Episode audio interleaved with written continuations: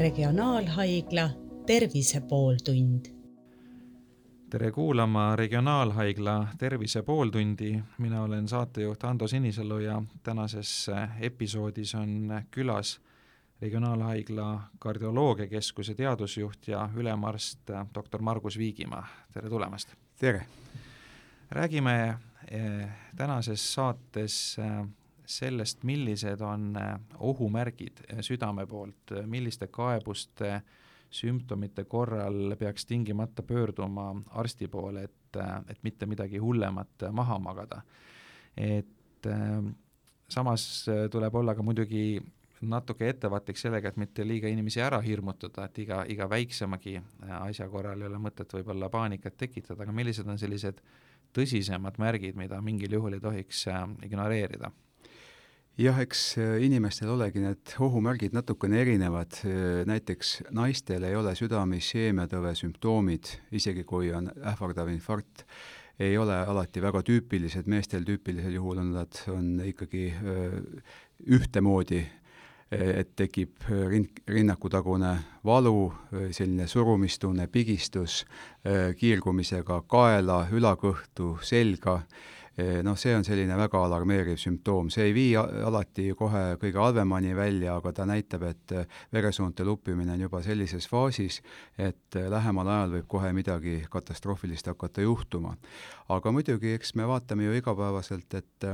selliseid rindkeres esinevaid valusid on, on väga mitmete erinevate põhjustega, et kõik need ei ole alati südamest tingitud. aga ühelt poolt on hea, et need äh, valud, mis on ikkagi kõige alarmeerivam sümptoom alati, et nad toovad äh, inimesed arsti juurde ja siis me saame edasi uurida, et kas tegemist on tõsisema asjaga või, või vähem tõsise probleemiga ja muidugi jällegi, kui vaadata äh, noori mehi, siis väga sageli eh, on eh, südamelihase kõige esimene ilming üldse, nii et ei olegi nagu enne mingisuguseid sümptoome. Nii et eks see jah, sümptoomide mm, esinemine ongi nagu, nagu natukene ka seinast seina. Aga on veel väga palju teisi olulisi näitajaid, näiteks kui koormustaluvus väheneb oluliselt, nii et inimene nagu enne jõudis palju rohkem teha, trepist käia teatud, kui on siin ka tervisespordiga tegelejad, ja siis järsku on koormustaluvuse langus, see võib viidata ka südamehaigusele. see võib olla tegemist siis südame-verevaegusega, infarktiohuga, võib olla tegemist ka mingi klapi probleemiga või mingite muude küsimustega, aga seda siis juba saab välja selgitada, et, et millest need tingitud on tursed jalgadel, väga sageli südamepuudulikkuse selline sümptoom, et kui juba on mingisugune südameprobleem eelnevalt olnud ja siis järsku hakkavad jalad krooniliselt tursuma, kui kehakaal järsku ootamatult suureneb ja, ja vedelikupeetus tekib võivad tekkida ka sellised sümptoomid, et ei saa madala peaalusega lamada,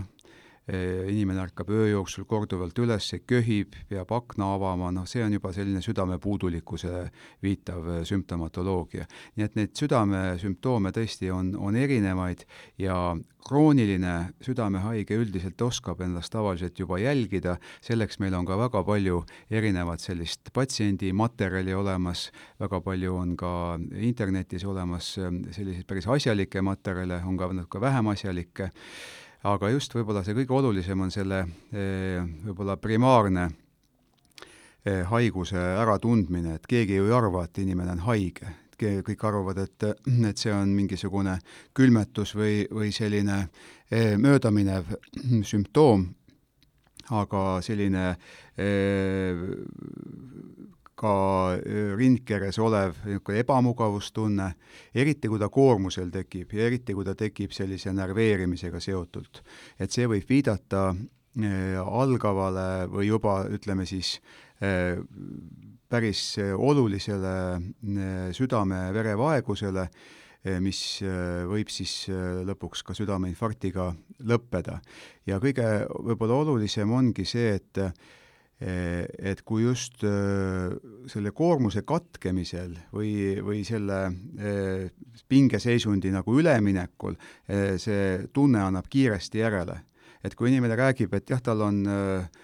juba päevade kaupa on olnud valusid või et õhtul vot hakkab magama minema ja siis on rindkeres selline imelik tunne, siis need tavaliselt ei viita südamehaiguste kaebustele. või et näiteks südamerütmihäired tekivad õhtul, jällegi enne just tüüpilisel juhul, kui inimene hakkab magama minema, siis tekib seal sümpaatilise, parasümpaatilise närvisüsteemi ümberkõlastus ja, ja te, on rohkem rütmihäireid. aga hoopis teine on tegu, kui näiteks kiirel trepist kõndimisel tekivad rütmihäired ja need lähevad kohe mööda, kui seisma jääda, siis jällegi me võime arvata, et et seda inimest peaks kindlasti uurima, peaks tegema täiendavaid teste, uurima ka vereanalüüse, et seal taga võib olla oluline südamekahjustus või, või et me saame selle kahjustuse, suurema kahjustuse ära hoida, et ikkagi midagi sellist kriitilist on hakanud juba südame või tema arteritega juhtuma. Meediast on, on päris palju lugeda juhtumeid, kus, kus kirjeldatakse just nagu väga ootamatuid infarkte, et jääb tihti mulje, et et nagu mingeid erilisi kaebusi sellele ei eelennudki ja siis infarkt tabab kuidagi äkki, et kas, kas niimoodi võib ka olla, et nagu noh, pealtnäha täiesti terve inimene, kellel mingeid kaebusi ei ole, saab äkki infarkti? jah, nooremas eas on see päris sage kahjuks Äh, aga kui me vaatame tähelepanelikumalt, siis ikkagi enamus kordadel me leiame riskitegureid, et sellel inimesel tegelikult ei olnud kaebuseid, aga tal olid kõrgenenud riskitegurid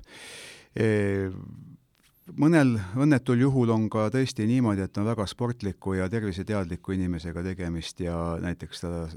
spordiväljakul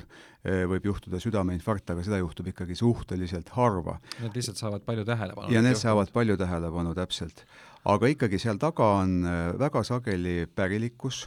ja nüüd Eestis meil on võimalik äh, uurida ka südame-veresoonkonna haiguste polügeenset riski, mitte ainult seda, et vaadata, et kas isa või ema või lähiveresugulased on haigestunud äh, või surnud südame-veresoonkonna haigustesse, vaid me saame kohe konkreetse inimese äh, geenide baasil siis öelda,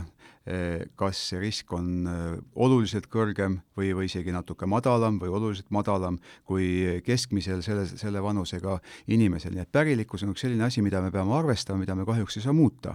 Aga väga palju on muudetavaid riskitegureid ja noh, nendest muidugi äh, suitsetamine on kõige olulisem, isegi e, sageli ei anta sellest aru, et suitsetamine on väga oluline tegur. kolesterooli kardetakse rohkem, see on ka väga oluline tegur, kõrgvererõhutõbi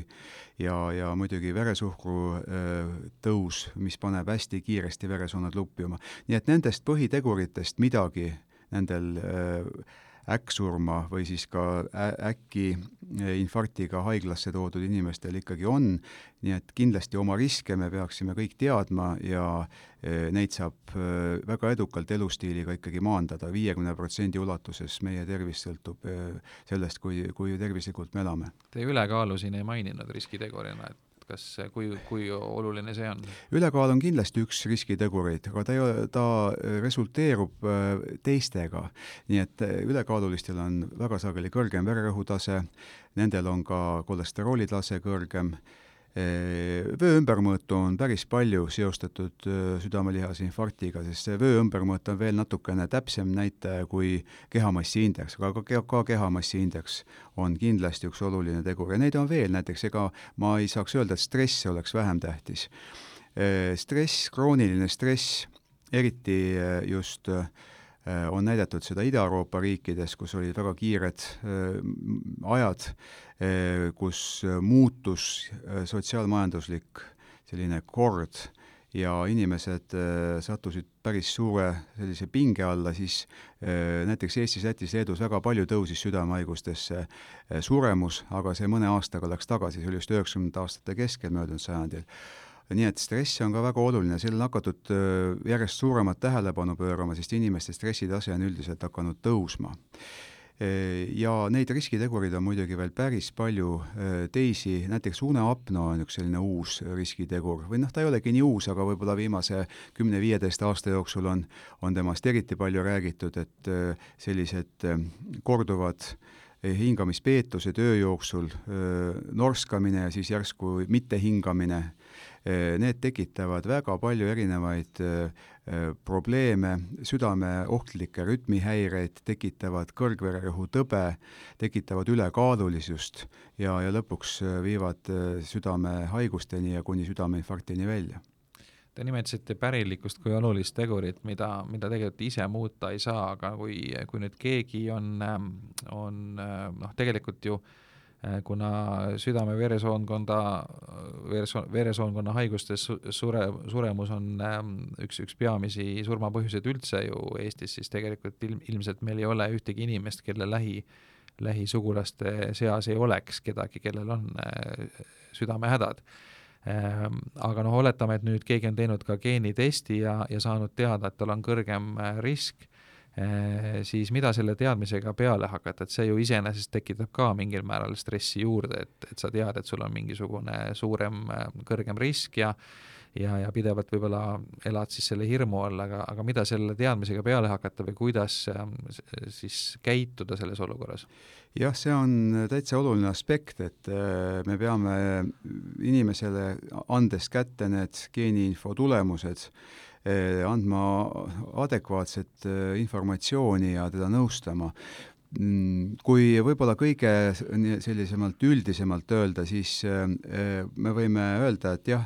et umbes kakskümmend protsenti on teil halvasti, mis on geenidega ja mõnel on väga halvasti, aga ikkagi see on kakskümmend protsenti. viiskümmend protsenti saate ise teha, no see on mingi selline, selline kaalukauss. Ehm, väga palju saab kolesterooli taseme vähendamisega, kehakaalu langetamisega, regulaarse kehalise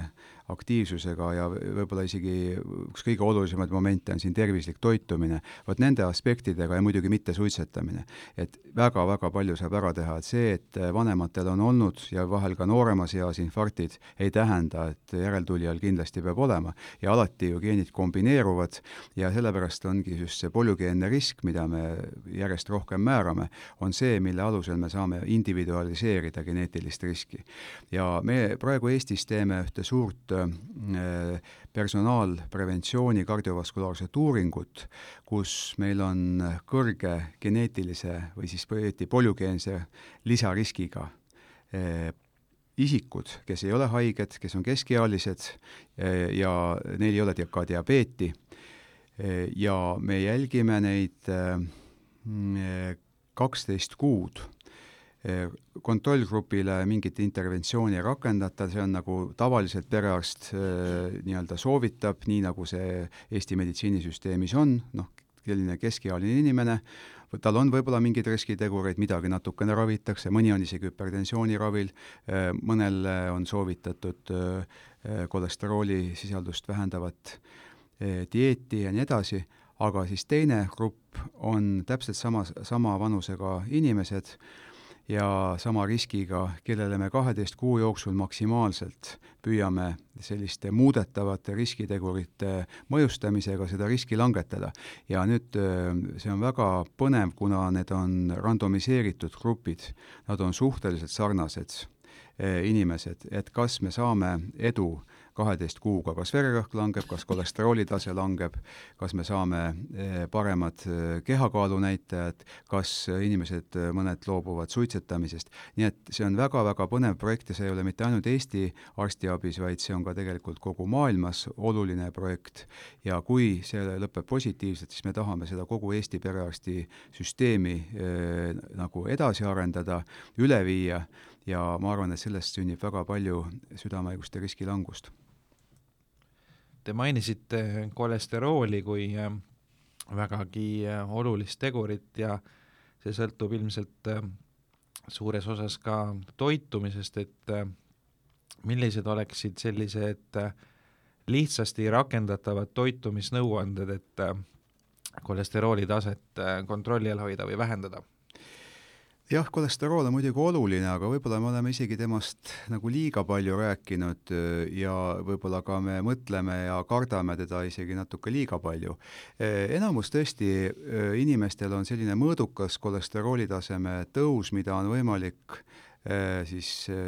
loomsete rasvade vähendamisega toidus siiski normaliseerida. aga kui me vaatame üldse toitu, siis ega väga oluline on antioksüdantide sisaldus. et isegi need, kellel kolesterooli tase võib natuke kõrgem olla ja kui toidus on piisavalt antioksüdante, siis see kolesterool või see halb kolesterool, just see osa sellest kolesteroolist, mis kahjustab veresoone seina potentsiaalselt, vot see ei saa toimida, see, selle, selle kahjustav toime on ära piiratud siis antioksüdantide poolt, nii et väga tähtis on puu- ja juurviljade tarbimine, mis on meil, ma ütleks, palju viletsamas seisus, kui me vaatame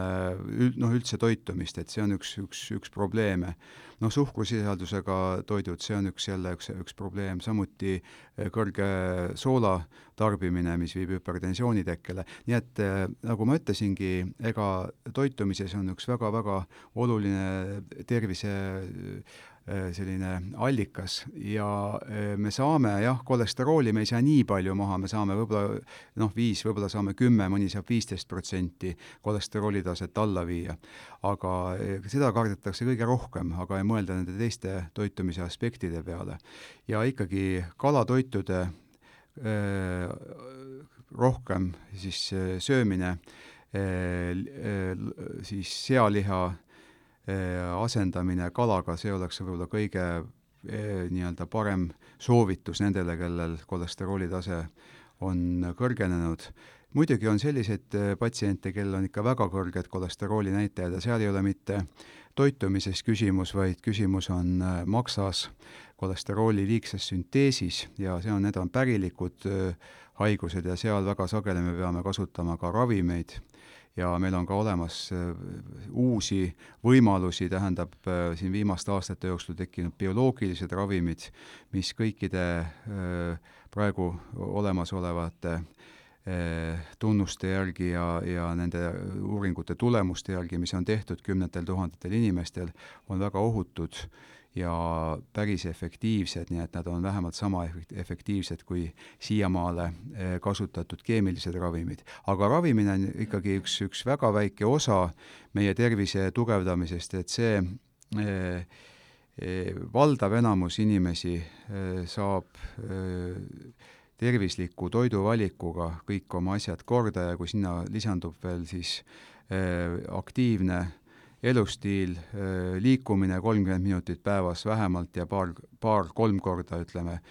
vähemalt kaks korda nädalas lemmikharrastusega tegelemist, et siis on selline põhivundament juba loodud, et südamehaigused ei kimbutaks. kordame lõpetuseks need põhilised ohumärgid siis üle, et mil-, millised need on, et ilmtingimata nende märkide ilmnemisel peaks arsti poole pöörduma? No kõige sellisem äh, olulisem teadmine on see, et kui esimest korda elus inimesel tekivad mingid imelikud valud või mingisugune ängistustunne või surumistunne rindkeres, mis seisatades läheb mööda, eriti kui see tekib näiteks hommikul öö, tööle rutates, sest hommikul just on süda, ei ole veel see, see ütleme, südame-veresoonesüsteem ei ole mm, lõplikult nagu ümber kõlastunud ja söömise järgselt osa verd on läinud makku ja mm, siis tekib kergemini stenokardia hoog või, või siis selline südame-verevaegusele viitav valu südames. kirjeldatakse seda, et kui näiteks külma tuult sisse hingata, külma õhku vastu tuult minnes, see on tüüpiline selline hommikune stenokardia. külm õhk jällegi äh, ahendab veresooni ja tekitab sellise südame-verevaeguse ja tekitab selle pigistuse ja ängistustunde. nii et vot need sümptoomid on sellised kõige alarmeerivamad, et see, siis, kui sellised asjad tekivad ja eriti, kui nad, neid pole kunagi enne olnud, siis võib arvata, et, et võib-olla läheb mõni nädal või mõni kuu ja, ja äh, kui mitte midagi äh, muuta, äh, kui mitte minna uuringutele, siis võib südameinfarkt tabada neid inimesi. Ja nagu ma ütlesin ka, sellises ähm, kõrge adrenaliinitasemega situatsioonides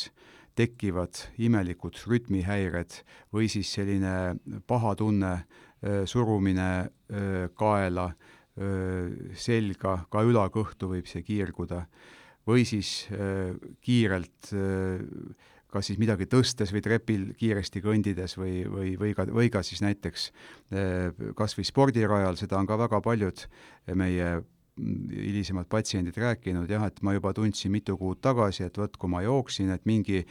taseme juures ma pidin nagu tegema sellise, natukene laskma tempot alla, siis süda harjub ära sellega ja, ja siis saab jälle tempot juurde panna. aga eh, kui sellised asjad ilmnevad, siis eh, tuleks ikkagi pöörduda arsti juurde ja me saame teha tänapäeval väga täpseid uuringuid südamest, et mitte jääda hiljaks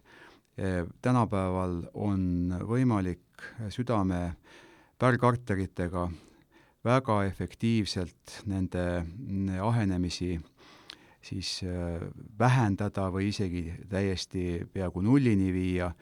Eh, muidugi need on ka jällegi kuskilt poolt kahjustavad protseduurid, me sellega, et me lükkame selle veresoonte sisese naastu veresoone seina, me rikume ära äh, veresoone seina normaalse struktuuri ja siis tuleb võtta äh, teatud ravimeid, aga igatahes me saame infarkti edasi lükata ja võib-olla üldse sellel inimesel ei pruugi kunagi südamelihas-infarkti tekkida. aitäh, stuudios oli Regionaalhaigla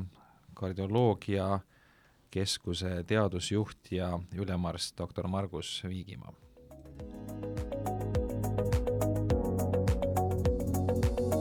Regionaalhaigla Tervise pooltund